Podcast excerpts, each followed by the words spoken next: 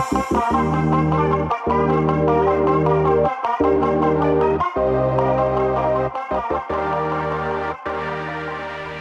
hey hey. Welcome to Hot Tea Fantasy Podcast. Сайн бацгаана уу? 7 хоног болгон хүрэхээр зорж буй NBA Fantasy-гийн подкастын албан ёсны эхний дугаар хүрэхэд бэлэн болоод байна. Тэгээ өнөөдрийн дугаараар юу юу ярих вэ гэхээр NBA-гийн эргэн тойронд болж буй мэдээ мэдээлэл ялангуяа гинтлийн мэдээллүүд фэнтезигийн хамгийн чухал мэдээ байдаг. Фэнтези тоглогчдын хувьд хамгийн чухал мэдээ байдаг байгаа. Тэгээд мөн 2016 оны драфтын rookie extension-ууд эхэлсэн байгаа. Тэр тухаас хин хин rookie extension авч хин хин татгалцсан тэр тухаас ярихаар байгаа. Тэгээ мөн NBA эхлэх болсонтой холбогдуулаад эхний 7 хоногийн багуудын тоглолтын хуваар болон ямар тоглогчдыг вебрээс авах вэ? Ямар тоглогчдыг хаюул зүгээр юу гэдэг эхний 7 хоногийн прогнозыг өөрийнхөө хувьд дэвшүүлсэнийг хүргэх гэж байна. Let's go.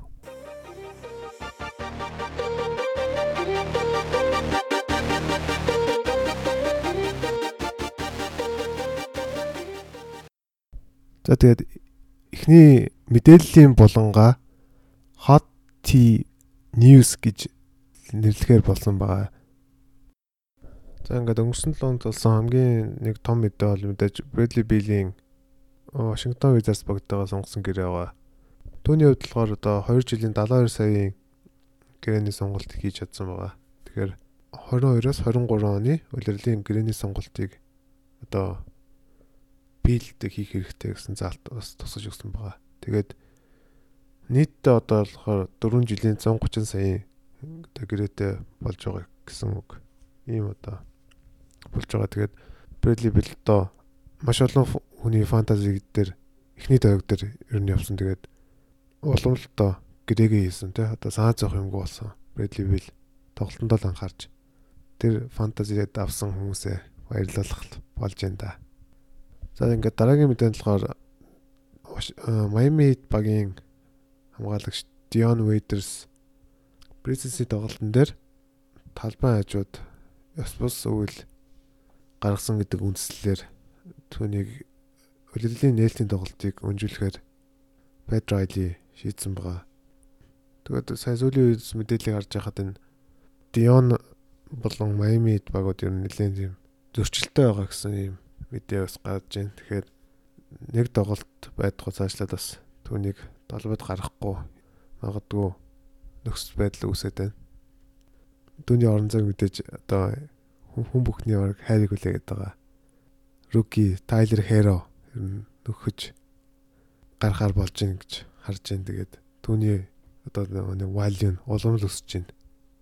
Одоо ер нь ихэнх фэнтезигийн хогон дээр ер нь байха байхаа байхгүй болцсон лээ. Тэгээд Тайлер Хэрог авсан хүмүүс үлнэхээр азтай шүү.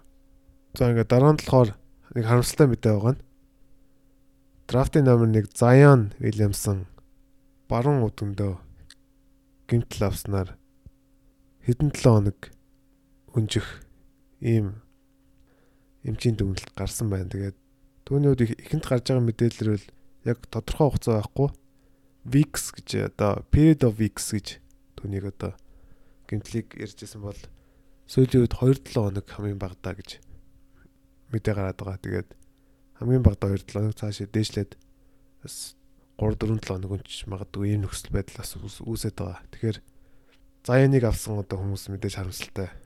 Боловч одоо нэг нэг үнийг юмталтай дараа одоо өөр хүмүүстээ ашигтай тусдаг болохоор ихэнх одоо мэрэгчлэнүүдийн үзэж байгаагаар тэгээ заяаны бэртлээс улбаалаад ер нь хэд хэдэн тоглогчийн ер нь фэнтези валь нь өсөж байгаа гэж хараад байна. Тэгээд мэдээж төвийн барилдаа гарах Derek Favors-ийн тоглолт минут бол уламл ихсэн. Тэгэхээр Favors-ийн min value нь улам өсөж байна гэж харж байна. Тэгээд Тэгээ заяаны гимтлээс улбаалаад болохоор гараанд болохоор Lonzo Drew Holiday, JJ Redick, Brandon Ingram, Derek Favors гэсэн энэ таван тоглож гарна гэж одоо харж байгаа юм билээ. Тэгэхээр мэдээж жижерэдгийн валин өсөж байгаа.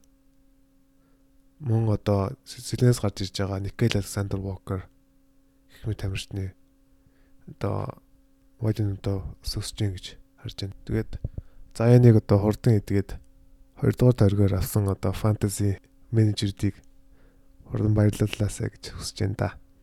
За ингээд дараагийн нэг мэдээ нь болохоор дөнгөж сайхан Адрен Вожнаровский мэдээлсэн Utah Jazz баг Quinn Snyder дасгалжуулагчтай урт хугацааны гэрээ байгуулсан гэсэн ийм твитийг саяхан жиргсэн байна. Тэгэхээр мэдээж Utah Jazz баг одоо контендер багуудын нэгд орсон болохоор Үүний одоо хамгийн гол одоо өдөрдөгч толгой нь болохоор мэдээж Queen Snyder. Тэгэхээр Snyder-ийн гэрээнд 2 жил үлдсэн байсан гэсэн түүнийг шууд л гэрээг сунгасан.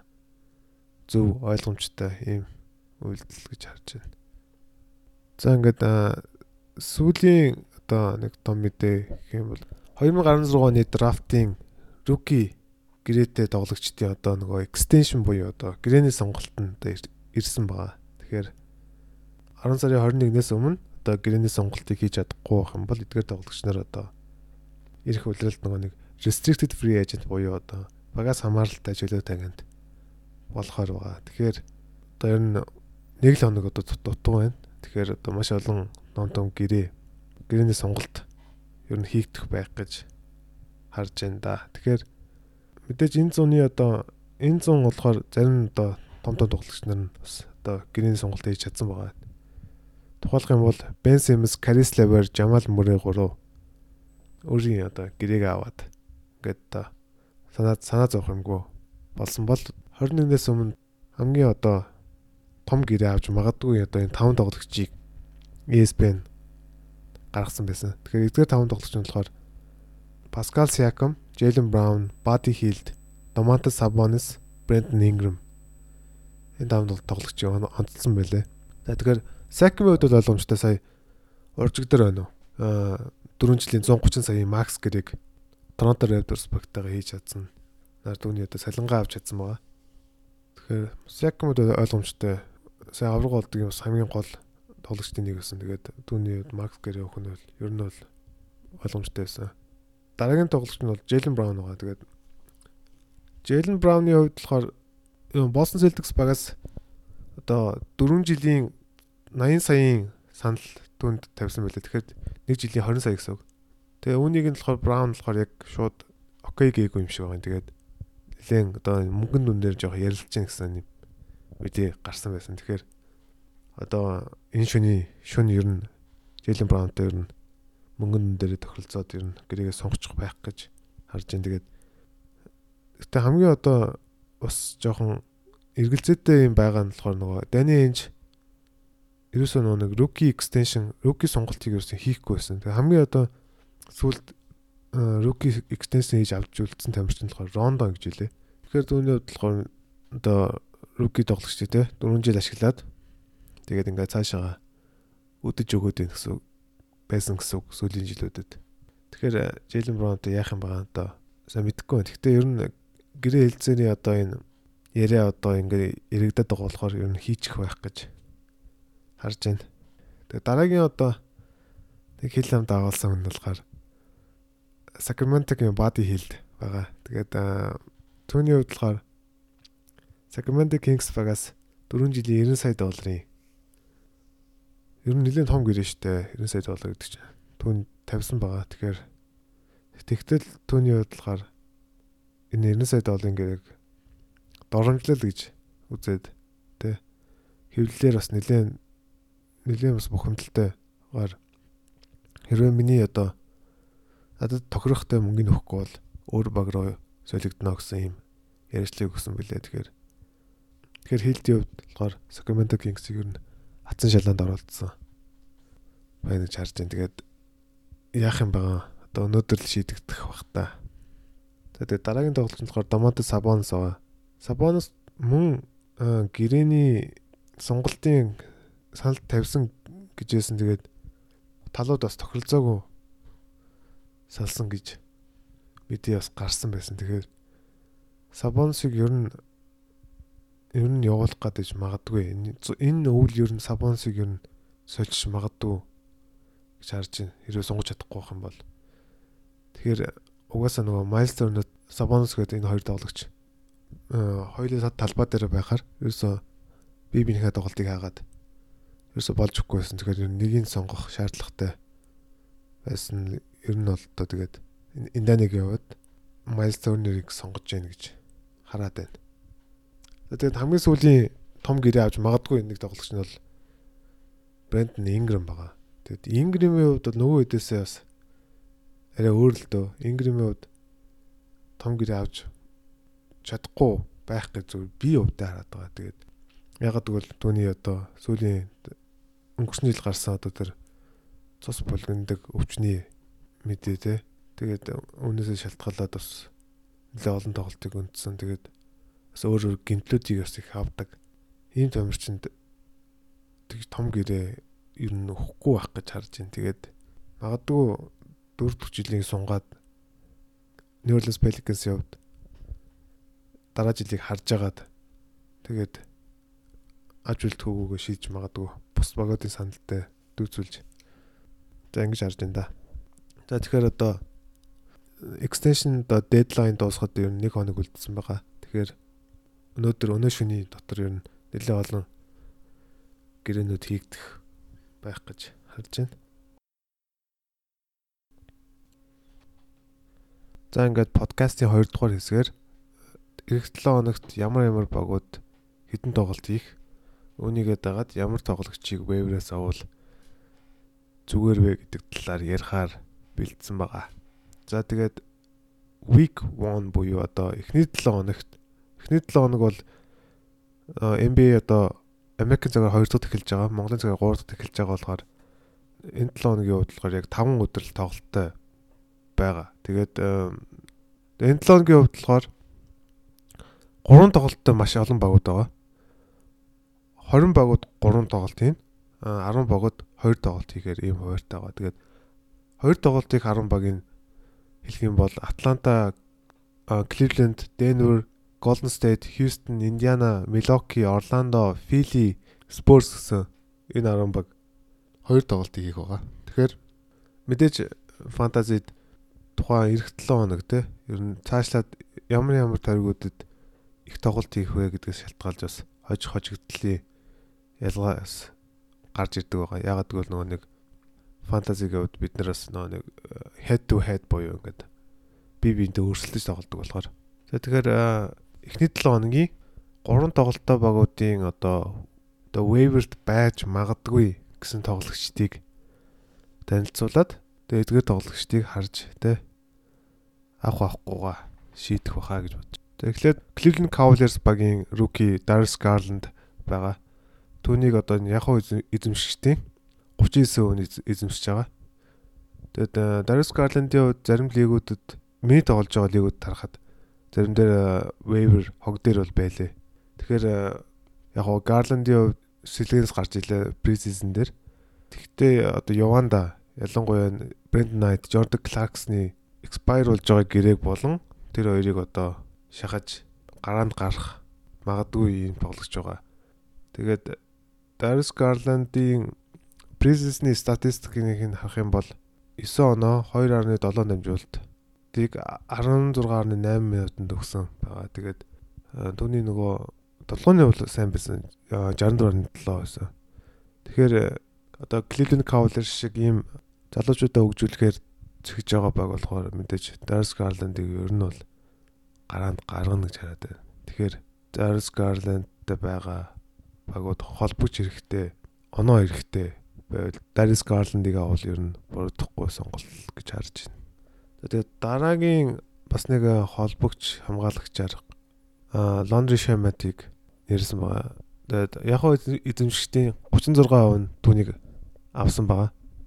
Laundry Shamat-ыг ямар статистик хэрэгтэй вэ гэхээр мэдээж 3 оноо 3 оноо дутагдaltaй ч юм уу 3 оноо хэрэгтэй багууд бол Ландри Шамедийг сүүлийн сонголтууд зарим лигүүдэд хогон дээр ч яж магадгүй. Тэгэхээр 3 оноо хэрэгтэй, оноо хэрэгтэй.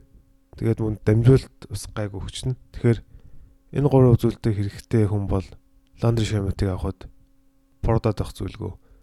Тэгээ мөн нөө Пол Жоржи одоо гэмтэл 11 сарыг хүртэл одоо ирэхгүй болохоор ядаж Пол Жоржиг хүрт эртэл түүний одоо энэ 2 дугаар багийг ахалж те явж байгаа 2 дугаар багийг ингэж удирдах явж байгаа тоглолт бол улам илүү минут олдож илүү байна гэж харж байна. Тэгээд Doc Rivers дасгалжуулагч мөн түүнийг нэлээд магтаж сайшааж байгаа. Тэгэхээр Лондон Шамтад бол 3 он эрэхтэй, оноо эрэхтэй, дамжуулт эрэхтэй хүнд бол сүүлийн сонголтуудаар авахд бол маш зөв сонголт байна.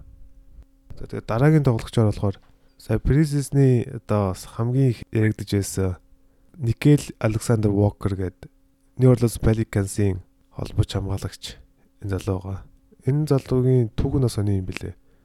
Нөгөө Shegels Александрын хамаатан Казн юм бэлээ. Тэгээд энэ үйлрлийн рүүки залуу энэ залуу болохоор Yahoo Fantasy эзэмшигчдийн 15% түүнийг эзэмшиж байгаа юм байна. Тэгээд Summer League болон Preseason дээр үнэхээр сайн байсан л да. Тэгээд үнэхээр одоо нэг өөрийнхөө нэрийг бас нэлээд олон танилж чадсан байна. Тэгээд түүний Preseason статистик болохоор 15.4 оноо, 4 ассист, 2.6 ребаунд, 0.8 стилийг хийсэн байна.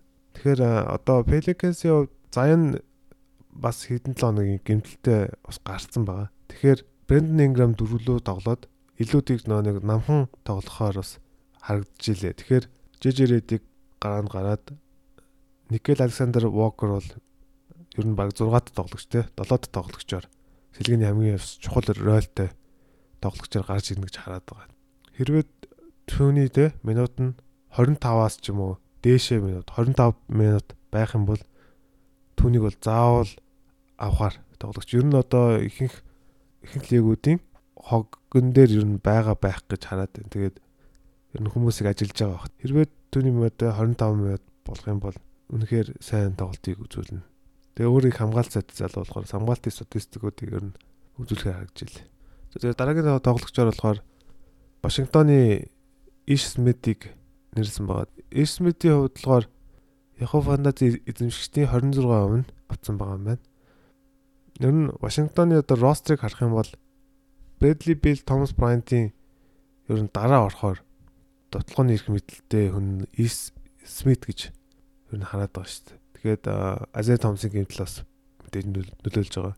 Тэгэхээр одоо шууд гараанд гарч байгаа мэдээж.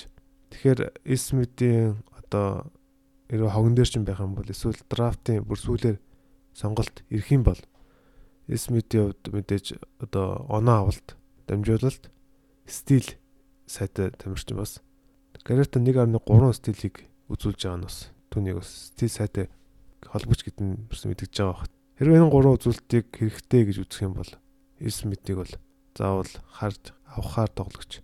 Ер нь бол нэг 25 минутыг бол дундчлах байх гэж хараад байна.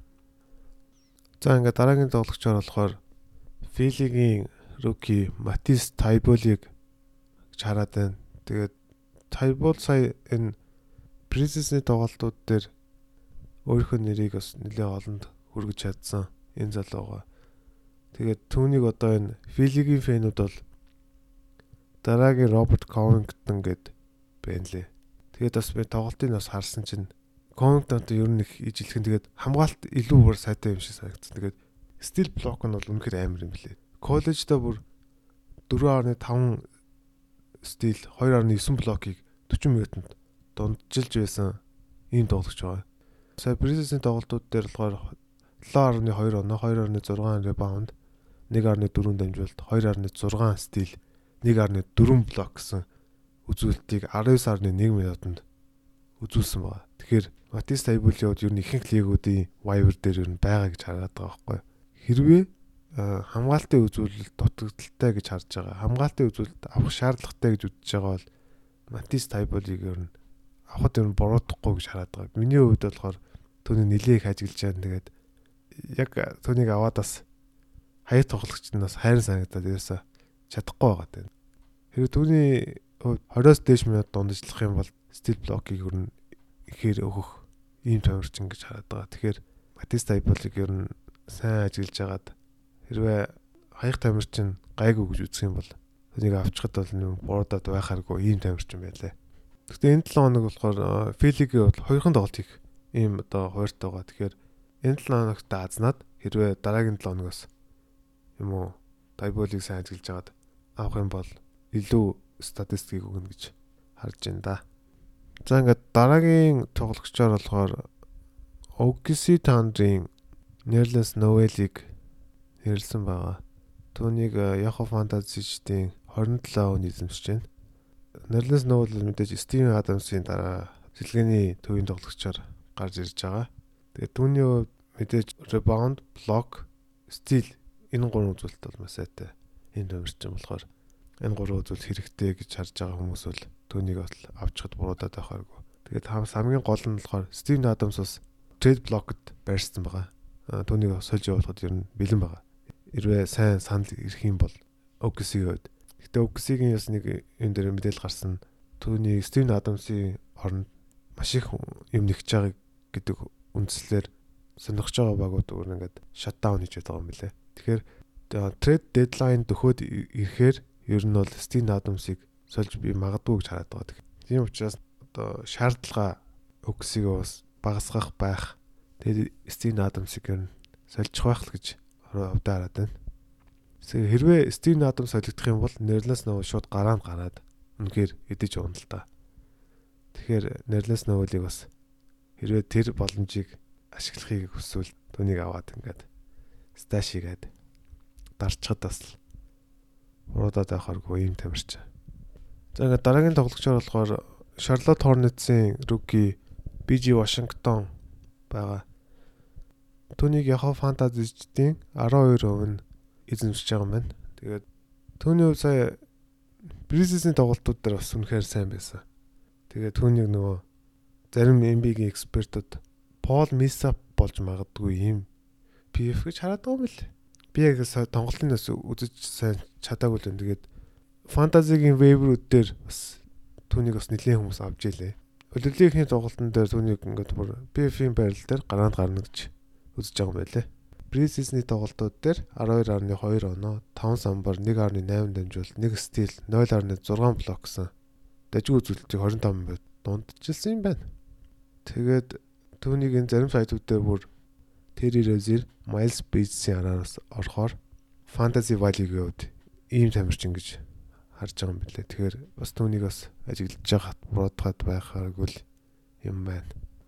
За ингээд хамгийн сүүлд ингээд Yahoo Fantasy-гийн transaction trends гэдэг хамгийн хогноос авж байгаа тамирчдыг ингээд гаргасан юм юу гэдэг юм да жагсаалт байдаг. Тэгэхээр энийг бас баян подкастын хамгийн сүүлд танилцуулж бай гэж төлөвлөсөн байгаа. Тэгээд яг өнөөдрийн байдлаар өнөөдрийн одоо 10 сарын 21-ний байдлаар хамгийн дээр болохоор Никел Александр Walker гэж төрөний онцлсон тамирчин 2223 айд хийсэн байна. Авсан байна.